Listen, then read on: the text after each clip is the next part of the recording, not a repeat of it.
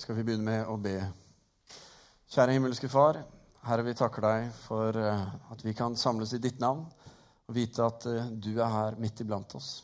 Herre, takk for at eh, du rører ved oss. Takk for at du taler til oss. Og takk, Herre, for at vi kan få lov til å komme framfor deg og vite, Herre, at du er her for å gi av det beste. Du er her for å hjelpe oss, Herre, til å se mer av den mening, Herre, og den plan som du har for hver enkelt av oss. Du møter oss akkurat der hvor vi er, Herre, med alt det som vi tenker på, føler på, kjenner på, som vi bærer med oss inn i dag, Herre. Der møter du oss, og så fører du oss videre, Herre. Takk for at vi kan tro det, og takk for at vi kan legge våre liv i dine hender i visshet, Herre, om at uh, du ønsker det beste for oss. Takk, Herre, for gaven som er kommet inn i formiddag. Takk for uh, anledningen, Herre, til å komme sammen i ditt navn. Vi priser deg i Jesu navn. Amen. Ja, Frode Øvergaard heter jeg, for uh, de som ikke hadde fått med seg det. Jeg er uh, hovedpastor her i menigheten og uh, får lov til å være med å lede det arbeidet som vi står i her, og det er et privilegium. Det setter jeg veldig stor pris på. Menigheten er ikke helt den samme uten. Det er en serie som ønsker å løfte fram grunnleggende sider ved hva menighet er. En grunnleggende forståelse av hvordan menigheten er. Vi tror at menigheten som eh, eh, Vi tror at den er helt avgjørende for deg. Vi tror den er helt avgjørende for eh, de mennesker som du omgås i din hverdag. Vi tror den at den er avgjørende for den byen som vi lever i, den regionen vi er i, for det landet og den verden som vi er i. Og vi tror dette fordi det er i og gjennom menigheten at Gud ønsker å synliggjøre seg selv. Det er der han ønsker at eh, vi skal få lov til å møte han, bli kjent med han og vokse i kunnskap om han. Og han ønsker å gjøre det gjennom deg og meg som tror på han og følger han. I 1. Korinterbrev 12, eh, vers 27, så sier Paulus.: Dere er Kristi kropp, og hver av dere er et lem på ham. Ronald Fangen han skrev salmen 'Guds menighet er jordens største under'. Og av og til har noen sagt at uh, Guds menighet er jordens største plunder, fordi de syns det har vært vanskelig av og til. Men Ronald Fangen mente nå at, var, uh, at Guds menighet var jordens største under. Og Bill Hybels, som kanskje noen har hørt om, han er uh, en av de ledende og mest kjente menighetslederne i verden i dag. Han har alltid holdt flagget høyt oppe for det han sier at Eh, den lokale menigheten er verdens håp. Og Verken Ronald Fangen eller Bill Hybels tenkte spesielt på sin egen menighet når de formet disse setningene. Poenget er at menigheten det er noe Gud selv har lagt til rette for. Det er ikke noe vi har funnet på, selv om vi har formet den på mange forskjellige måter. Av og til vanskelige og dårlige måter. Men det har vi gjort opp gjennom historien. Men poenget er at menigheten det er Guds redskap til å nå ut til verden i dag. Til å synliggjøre hans kjærlighet, hans nåde, og til å gjøre det inn i ditt liv, inn i dine venners, din omgangskrets sitt liv, i menigheten og i byen vår. Derfor ønsker vi å løfte fram eh, noen grunnleggende eh, sider ved hva menighet er, i, gjennom denne serien. Og dette er ting som vi tror er med på å forme menighetens betydning. Det er sider som også stiller oss på valg. Og spørsmålet vi da blir stående med, er velger vi å tre inn i det som Gud eh, Tre inn i å bli en del av det som Gud har lagt til rette for oss, som er menigheten, eller velger vi å bli stående på sidelinjen og betrakte? Paulus sier i Efeserne 2, eh, vers 10, så sier han, for vi er hans verk, skapt i Kristus Jesus til gode gjerninger, som han på forhånd har lagt ferdige for at vi skulle vandre i dem. Sist søndag så snakket Andrea om eh, tro, og hvordan menigheten ikke er den samme uten tro. Og hun snakket om en menighet hvor tro er på eh, to nivåer. Eh, tro som det å si ja til og velge å tro på Jesus, at han lever, at Gud fins og er levende i dag. Eh, en tro til frelse, og hun snakket også om en tro til etterfølgelse og lydighet. Og Menigheten blir ikke den samme hvis ikke den bærer med seg en tro som leder mennesker til et fellesskap med Gud.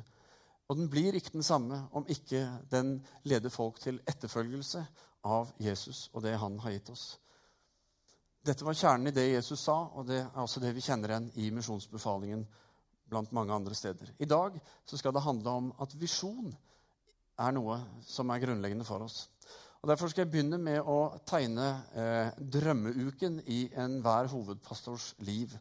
Det er uken over alle uker, og den begynner her søndag formiddag. Ikke i dag, men uh, dette er da uh, en fiktiv historie, selvfølgelig. Men den begynner med ved slutten av talen.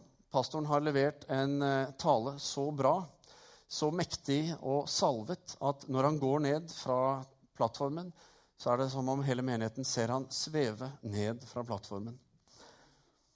Og han svever ut av kirken og ut i bilen sin og når han kjører, så ser han menigheten stå og vinke. og Han tar noen seiersrunder ut på parkeringsplaten. Og han vinker til menigheten, og så kjører han derifra. Og han kjører ikke hjem. Nei, han kjører til et sommerhus som han har fått låne av en av de rikeste i menigheten. Og der skal han tilbringe tre dager alene. Og han skal søke Gud, og søke Gud om menighetens framtid. Han skal finne visjonen for de neste fem årene til menigheten. Den andre dagen da skjer det. Da åpner himmelen seg, og eh, han får en visjon. Så skinnende lys og klar at han nærmest blir blendet. Og når han setter seg ned for å skrive den inn på maskinen sin, så skjelver han i hendene. Så spennende er dette. Han er full av begeistring og lidenskap for denne visjonen. Så full at han klarer nesten ikke å holde seg igjen. Han har lyst til å reise hjem og fortelle det til familie og menighet. Men så var det det at han skulle være borte i tre dager. Og det er en dag igjen. Så han øyner muligheten til å ta en tur på golfbanen, hvor han bedrer handikappet sitt med fire slag og får en hole in one på 18. hullet. Han kommer hjem onsdag kveld. Barna de ligger trygt og godt. og Kona tar imot han, og hun får lov til i to timer å sitte og lytte til denne visjonen som Gud har gitt ham. Og hun er over seg av begeistring og eh, ærefrykt over dette som hun hører mannen hennes fortelle henne. Og når hun legger seg den kvelden, skrur av lyset, så tenker hun med seg selv jeg er ikke verdig til å være hans kone. Til å få lov til å ha en så fantastisk mann som kan få alt dette på bare tre dager. Jeg er ikke verdig. De neste to dagene kommer han tidlig inn på kontoret, og han sitter i all stillhet alene, og han skriver ned sine tanker og forbereder talen til søndagen. Eh, de andre som han jobber sammen med, jo lurer på hvordan disse tre dagene har vært, men assistenten sier sorry, dette er forbudt område. Det er hemmelig. Du får vente til søndag. Da kommer det. Og de neste Nei, og så kommer da denne lørdagen, som eh, er som om han holdes i fangenskap som et dyr. Eh, han klør i hele seg om å få lov til å formidle denne visjonen. Og søndagen kan bare ikke komme fort nok. Og når den så kommer, og endelig er der, og han får tømt hjertet sitt, så gjør han det på en historisk og uforglemmelig måte. Og han vet at det går bra. For et godt stykke uti så er det en i Eldsterådet som reiser seg og sier, 'Dere som har ører, hør. Dette er ord som ikke kommer fra kjøtt og blod.' Folk, eh, og Denne visjonen den mottas med det største engasjement og begeistring. Folk de klapper i hendene, de jubler. Det er stående trampeklapp. Det er vill jubel, og VM-gull og jubel der blekner til sammenligning. Og når han går ned og skal gå ut, så bæres han på skuldrene til medlemmer av menighetsrådet. Og De rikeste i menighetene de løper til giverterminalen, som jeg forresten glemte å si er bak der, eh, som du kan bruke etterpå. Men De løper dit for å gi sin gave, og terminalen den koker mens disse krangler om hvem som skal få stille garantien for hele dette visjonsprosjektet.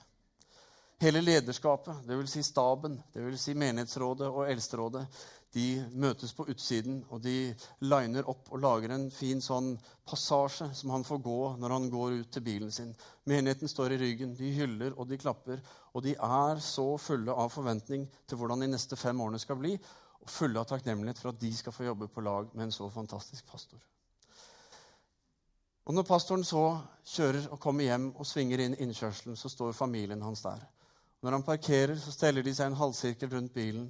Og når han tar steget ut av bilen, så hører han med ærbødighet og begeistring 'Velsignet være Han som kommer'. Han går bort til hver enkelt av de, én etter én, ser de dypt i øynene, legger hånden på skulderen, smiler med et stolt smil, tar de én for én bortover. Når han er ferdig, legger han jakken på skulderen, og så sier han det var bare en ukes arbeid, kjære dere. Det var bare så lite. Snakker om en drømmeuke. Tenk å få hatt en sånn uke. Jeg tror de fleste hovedpastorer har drømt om det å få lov til å feire julaften og 50-årsdag og ha en liten vekkelse på én og samme dag. Det høres ut som eh, noe av det beste. Men det er jo bare en fantasi. Det er jo ikke sånn visjonene kommer. Det er ikke sånn det skjer. Visjon det er å male et bilde som skaper lidenskap hos andre. Visjonen handler om å tegne et bilde om en ønsket fremtid og overbevise andre om at med Guds hjelp så skal vi få dette til. Og jo bedre vi ser det for oss, jo mer ønsker vi å gi oss til det. Så visjon det handler altså om hva er det vi ser, eller hva er det vi eh, velger å tro der i framtiden, og hva gjør det med oss? Og det handler om oss, fordi visjon gjøres ikke av en pastor, det gjøres ikke av et menighetsråd, det gjøres av en menighet.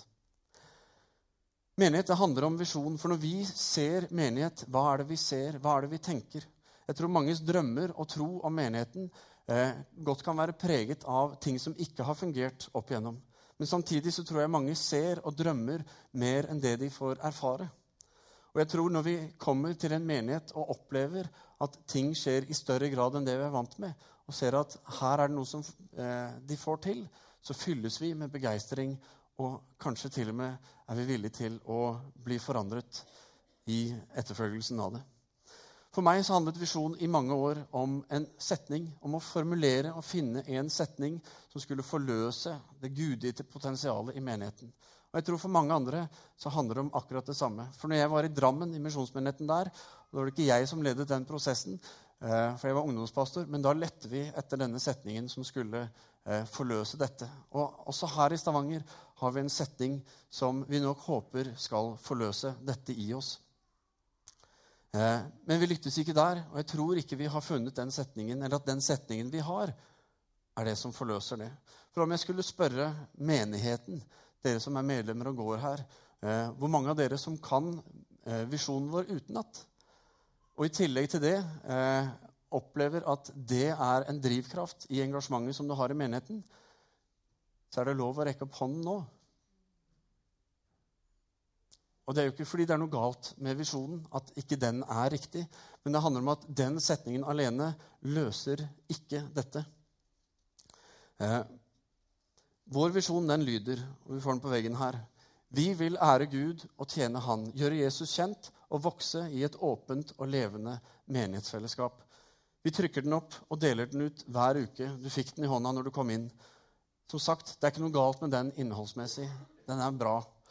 Problemet er at den i seg selv åpenbarer ikke noe som får deg og meg til å si 'Yes, dette vil vi gå for'. Den har masse intensjon, og det er bra.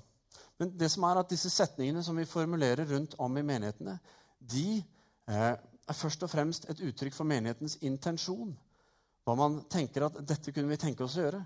Men dessverre så ser vi at i altfor mange menigheter så forblir det med intensjonen. Det stopper der. I ordspråkene i Det gamle testamentet, i kapittel 29, vers 18, så leser vi uten åpenbaring blir folket ustyrlig. Salig er den som holder loven. Fordi intensjon uten handling eh, vil alltid være noe som ikke gir retning. Selv om loven hadde blitt åpenbart, selv om vi har lest visjonen, så eh, var det først i etterfølgelsen av loven at eh, den tredje kraft, og at den ble til liv og forvandling i israelittenes liv. Eh, på samme måte som loven i Det gamle testamentet var en intensjon, så var den samtidig verdiløs om den ikke ble fulgt. Loven bar med seg en mulighet men var ikke seg selv svaret. Den viste vei om den ble fulgt. Problemet var bare med den loven som de hadde, jødene i Det gamle testamentet, det var at det var blitt lagt til så mange menneskebud som gjorde at loven ble umulig å holde. Eh, og Derfor sier også Hebrebreids forfatter i kapittel 10 sier han, loven inneholder bare en skygge av det gode som skulle komme, ikke det sanne bildet av tingene. Og Derfor vil heller aldri visjon i form av en setning alene åpenbare det som bærer i seg av mulighet og framtid for menigheten. Men den kan gi retning. Visjon må derfor romme mer enn en setning. Den må handle om mer enn det som står på arket. Den må settes en handling bak visjonen. Vi må velge visjonen. Handlingen må styres av klare mål. Fordi verdens beste visjon, den er verdiløs om ikke den, eh, det settes mål, og den følges opp med eierskap. At noen tar visjonen til hjertet og velger å handle på den og si 'Dette vil jeg se. Dette ønsker jeg å være en del av'. Og jeg tror Skal vi lykkes med visjon, så må vi skape en kultur som er preget av visjonen. En visjonskultur. Tilbake på 60-tallet i USA så hadde vi en borgerrettighetsforkjemper, Martin Luther King jr., som kjempet eh, for eh, likhet for de som var av mørk hud eller hadde lys hud. Han kjempet for stemmerett for eh, alle de som hadde mørk hud, og som ble holdt nede og utenfor i samfunnet. Og han fikk mange med seg. Han var en, egentlig en pastor, baptistpastor, som sa nei, her må vi gjøre noe. Og mange fulgte han fordi det var mange som visste at det han kjemper for, det trenger vi. Jeg trenger det. Menneskene rundt meg trenger det. Vi trenger det. Og de eh, var med, men det var en beinhard kamp som eh, noen mennesker måtte ofre livet sitt for. Martin Luther King selv, som dere sikkert mange kjenner historien. Men det er særlig én eh, hendelse som eh, er for stor til å fatte i denne prosessen som de sto i. Fordi ved en bro som heter Edmund Pettis i Selma, Alabama, så sto det den 7. mars 1965 600 afroamerikanske borgere, eh, afroamerikanere eh, som hadde bestemt seg for å krysse denne store broen og gå inn i byen Montgomery og konfrontere og demonstrere fredelig utenfor eh, guvernøren, som var eh, ganske rasistisk og ikke eh, kjempet for dem i det hele tatt. Det skulle være en fredelig demonstrasjon. Eh, for de som kjenner Martin Luther King jr., så vet at han fikk Nobels fredspris Eh, Bl.a. fordi han jobbet ikke-voldelig for eh, dette han gjorde. Det var aldri vold inn i bildet der. Men det som viste seg, var at på den andre siden av den broen der står det en store, nesten hele politistyrken til Montgomery. Hvite menn med pistoler, med makt, med eh, tåregass, med hunder, med køller, klare til å hindre disse i å komme over. Og denne broen som var kurvet sånn og var såpass lang at det var først når de kom midt på og så hva som var på andre enden, eh, at de skjønte at OK, her har vi en utfordring. For nå ser vi virkelig fare midt i øyet. Og de eh, måtte der og da ransake seg selv og spørre er dette noe jeg tror på. Er dette noe jeg er villig til å gå for? Eller er jeg først og fremst en som klapper og håper at dette skal gå bra for dem? Eller vil jeg stå sammen med Martin Luther King jr. og disse andre og ta eierskap og gå inn og møte denne faren som står foran, fordi jeg er villig til å kjempe for dette? Så eh, det som skjer, er jo at denne dagen, 7. mars, blir kalt Bloody Sunday. Fordi det som skjedde, det var et blodbad. Noe av det sørgeligste og tristeste i hele Amerikas historie skjedde den dagen. Men samtidig så var det et avgjørende øyeblikk i den kampen som ble kjempet. Fordi eh, hele USA, alle politikerne, alle eh, borgerne, de så at her var det en gruppe mennesker som var villig til å bli slått, villig til å bli sparket, villig til å bli drept for det de kjempet for. Og det forandret det bildet. Det var med å sørge for at det de kjempet for, det fikk de se.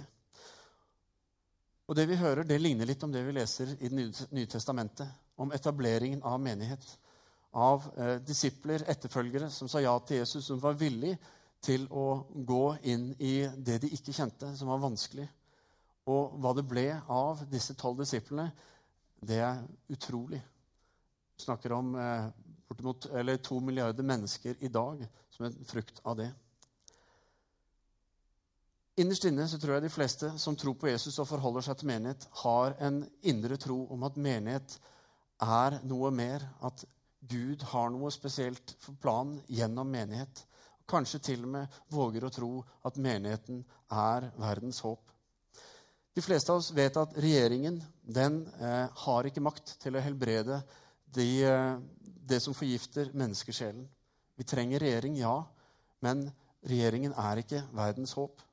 Universiteter kan lære oss å skape briljante tanker og hjerner, men den kan ikke forandre hjerter.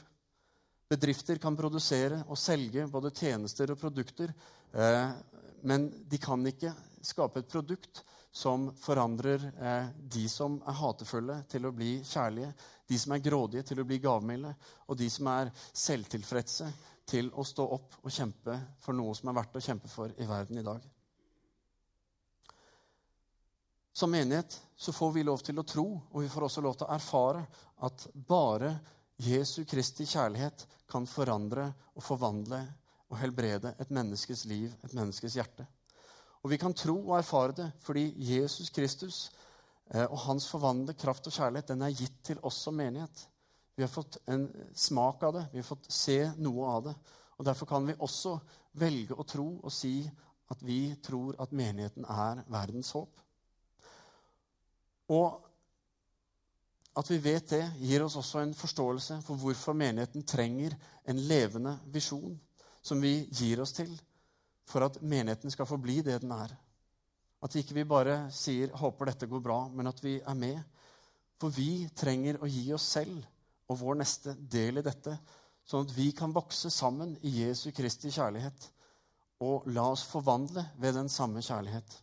Paulus sier i Romerne 12,2.: Innrett dere ikke etter den nåværende verden, men la dere forvandle ved at sinnet fornyes, så dere kan dømme om hva som er Guds vilje, det gode, det som er til glede for Gud, det fullkomne. Det skal vi få lov til å være med på. Fordi visjoner de formes ikke av en person og leves ut av alle som bare får høre den, som vi hørte om i, i vår drømmeuke her i stad. Eller min drømmeuke, kanskje. En visjon skapes i fellesskap. Den utvikles i fellesskap, og den realiseres i fellesskap. Gjennom handling og gjennom eierskap. Og en menighetsvisjon starter best når mennesker kommer sammen og spør seg selv hvordan ønsker Gud at vår menighet skal se ut om fem år, kanskje ti år. Hva er det Gud ønsker? Hva er det som ligger på hans hjerte? Ikke ditt hjerte, ikke mitt hjerte. Fordi det er Guds menighet. Det er han som skal synliggjøres. Det er han som skal gjøre det. Og det skal få bli vår menighet. Det handler ikke om deg, det handler ikke om meg, men det handler om Gud og hva han har gjort, og hva han skal få gjøre gjennom oss. Når Vel, ikke i dag, men kanskje om fem år, kanskje om ti år, hvis vi arbeider målbevisst og stoler på at Gud er med oss og ønsker å gjøre dette gjennom oss. Da kan vi begynne å danne oss et bilde. Vi er med på et, eh, nasjonalt, en, en, nasjonal satsing, en nasjonal visjon, som heter Vekst 2020. Og vi har utviklet en eh, lokal versjon som vi har kalt Stavanger 2020. Du kan lese mer om den i årsrapporten som ligger ute. Eh, men vi tror at det er en grunn til at Vekst 2020 er utvikla. Fordi den viser oss noe som er større enn oss selv. Og for dere som har hørt om eh, målene og at vi skal fordoble og ting skal skje, så har dere som meg kanskje tenkt Oi, er dette mulig? Kan dette gå an? Men samtidig så tror jeg også vi ser at dette er noe som er i tråd med det Gud ønsker å gjøre midt iblant oss. Jesus sier det selv i misjonsbefalingen som vi har lest tidligere, og som vi skal lese igjen i Matteus 28. Jeg har fått all makt i himmelen og på jorden, sier Jesus. Gå derfor og gjør alle folkeslag til disipler. Døp dem til Faderens og Sønnens og Den hellige åndens navn, og lær dem å holde alt jeg har befalt dere, og se, jeg er med dere alle dager inntil verdens ende. Vekst 2020 den er utarbeidet av et team av våre nasjonale valgte ledere. Presentert og bearbeidet av pastorer og menighetsledere på nasjonal lederkonferanse. Presentert og enstemmig vedtatt i vår menighet og alle de andre menighetene i Misjonsforbundet. Den er også enstemmig vedtatt på generalforsamlingen til Misjonsforbundet i 2010.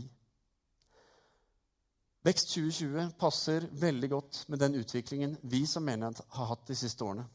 Fokusområdene som vi har hatt, er helt i tråd med de fokusområdene som Vekst 2020 har. Det handler om eh, menighetsvekst, det handler om lederutvikling, det handler om eh, barne- og ungdomsarbeid, det handler om menighetsplanting, for å nevne noe. Men det vi har manglet, og som Vekst 2020 har, det er målene. målene som tvinger oss til å gjøre noe, tvinger oss til å handle, tvinger oss til å si at vi må gjøre noe annerledes, skal vi nå disse målene. Og målet er fordobling. Fordoble antall mennesker som velger å gå i kirken på søndag for å høre hva Gud har å si inn i deres liv. Fordobling av barn og unge i menigheten. Fordobling av eh, antall som er med og får lov til å tjene med de gaver som Gud har gitt dem. Fordobling av mennesker som velger å komme sammen i grupper i løpet av uka eller måneden nettopp for å vokse og lære mer av hva Gud har for dem. Og det å plante menigheter. Det har skapt et tydeligere fokus for oss som menighetsråd, for oss som stab. Og vi håper at visjonen skal være noe som vi som menighet kan omfavne og si ikke bare enstemmig vedta før vi går over broa, men når vi kommer på broa og ser at dette krever noe av oss, at vi sier dette skal vi være med og se. For det å omfavne en visjon som Stavanger 2020 er, det handler om å hente fram noen valg. Valg som gir visjonen ikke bare en sjanse, men som er valg som støtter visjonen med raushet i form av tid, i form av eh, bønn, i form av eh, gaver og evner, i form av økonomi. Valg som plasserer deg på broen sammen med lederskapet i menigheten og alle som sier 'Vi vil se dette skje'. Vi drømmer om at mennesker skal få erfare en Gud som er ekte, som er relevant og som er levende, og som betyr noe inn i alles liv i dag. Og vi vet, men vi vil at alle, enten de har trodd et langt liv eller de aldri har trodd før, skal få erfare dette. For en visjon som Stavanger 2020 er ikke et enten-eller, som jeg tror noen har eh, oppfattet det som. Det er ikke enten kirkefremmede eller kirkevante, men det er begge deler. Det handler om å tilrettelegge for vekst for alle. Det handler om et nytt liv, det handler om fornyelse, det handler om muligheter og erfaringer som vi skal få lov til å gå inn i. Det handler om en fornyet menighet som betyr noe nytt og større og mer for den byen som vi er i. Jesus skal uten tvil være midtpunktet i denne prosessen, i denne visjonen. Uten hans kraft, uten hans kjærlighet, uten hans nåde, så har vi ingenting å gjøre, ingenting å fare med. Ingenting å bidra og gi. For det er han som skaper vekst. Det er han som forvandler liv. Det er han som har satt oss fri på korset. Bare han kan nå inn til de menneskene som han har satt rundt oss, rundt deg, i ditt liv. Slik at vi kan få se og bli en del av det Gud ønsker å gjøre i våre liv i menighetens liv, i byen vår sitt liv. Og gjennom det å omfavne visjonen og velge den, så vil menigheten i langt mye større grad Jo flere som omfavner den, i langt større grad vil vi representere et håp for de menneskene som er satt rundt oss. Og vi vil også, tror jeg for mange, fremstå som et under. Det er hva menigheten er og kan være. Og jeg håper og ber om at dette er noe vi som menighet skal få gjøre sammen. For det handler om evighet. Det handler om deg, det handler om meg, det handler om de som er rundt oss. Det handler om vår by, vårt land. Skal vi be. Kjære himmelske Far, takker og priser deg, Herre, for at eh, det er du som stiger ned til oss. Det er du som kommer med all makt, Herre. Det er du som kommer med all nåde. En nåde som er ufattelig stor, som ikke vi kan begripe, men bare ta imot og eh, fryde og glede oss over, Herre, og prise deg for det du har gitt oss. Hjelp oss, Herre, til å vokse i den nåden, slik at vi kan eh, både ta den imot fullt og helt, at vi kan få lov til å leve i den, og at vi kan få lov til å gi den videre til de menneskene som den har satt rundt oss. At vi skal få lov til å vokse i vår tro gjennom vår etterfølgelse. At vi, Herre, skal få lov til å vokse og se dybdene i fellesskapet som du har skapt, og som menigheten er. Fellesskapet med deg og fellesskapet med hverandre. Herre, at vi skal få lov til å tjene med de gaver som du har gitt oss, og gå inn i de tingene som du har lagt klare for at vi skal ta og gå inn i. Og at vi, Herre, skal få lov til å være med og støtte dette med det du har gitt oss. Med våre gaver, våre evner, vår tid, våre penger, Herre. Og så kan vi sammen få lov til å være med og se en menighet som forandrer byen vår. En menighet som får lov til å eh, gjøre store ting like inn i evigheten. Herre, fyll oss med tro. Fyll oss med bevisste valg for denne menigheten. Takk, Herre, for at det er din vilje, det er ditt ønske. At gjennom menigheten så skal mennesker få se deg som du er. Så skal vi få lov til å være redskaper i dine hender. Vi priser deg i Jesu navn. Amen.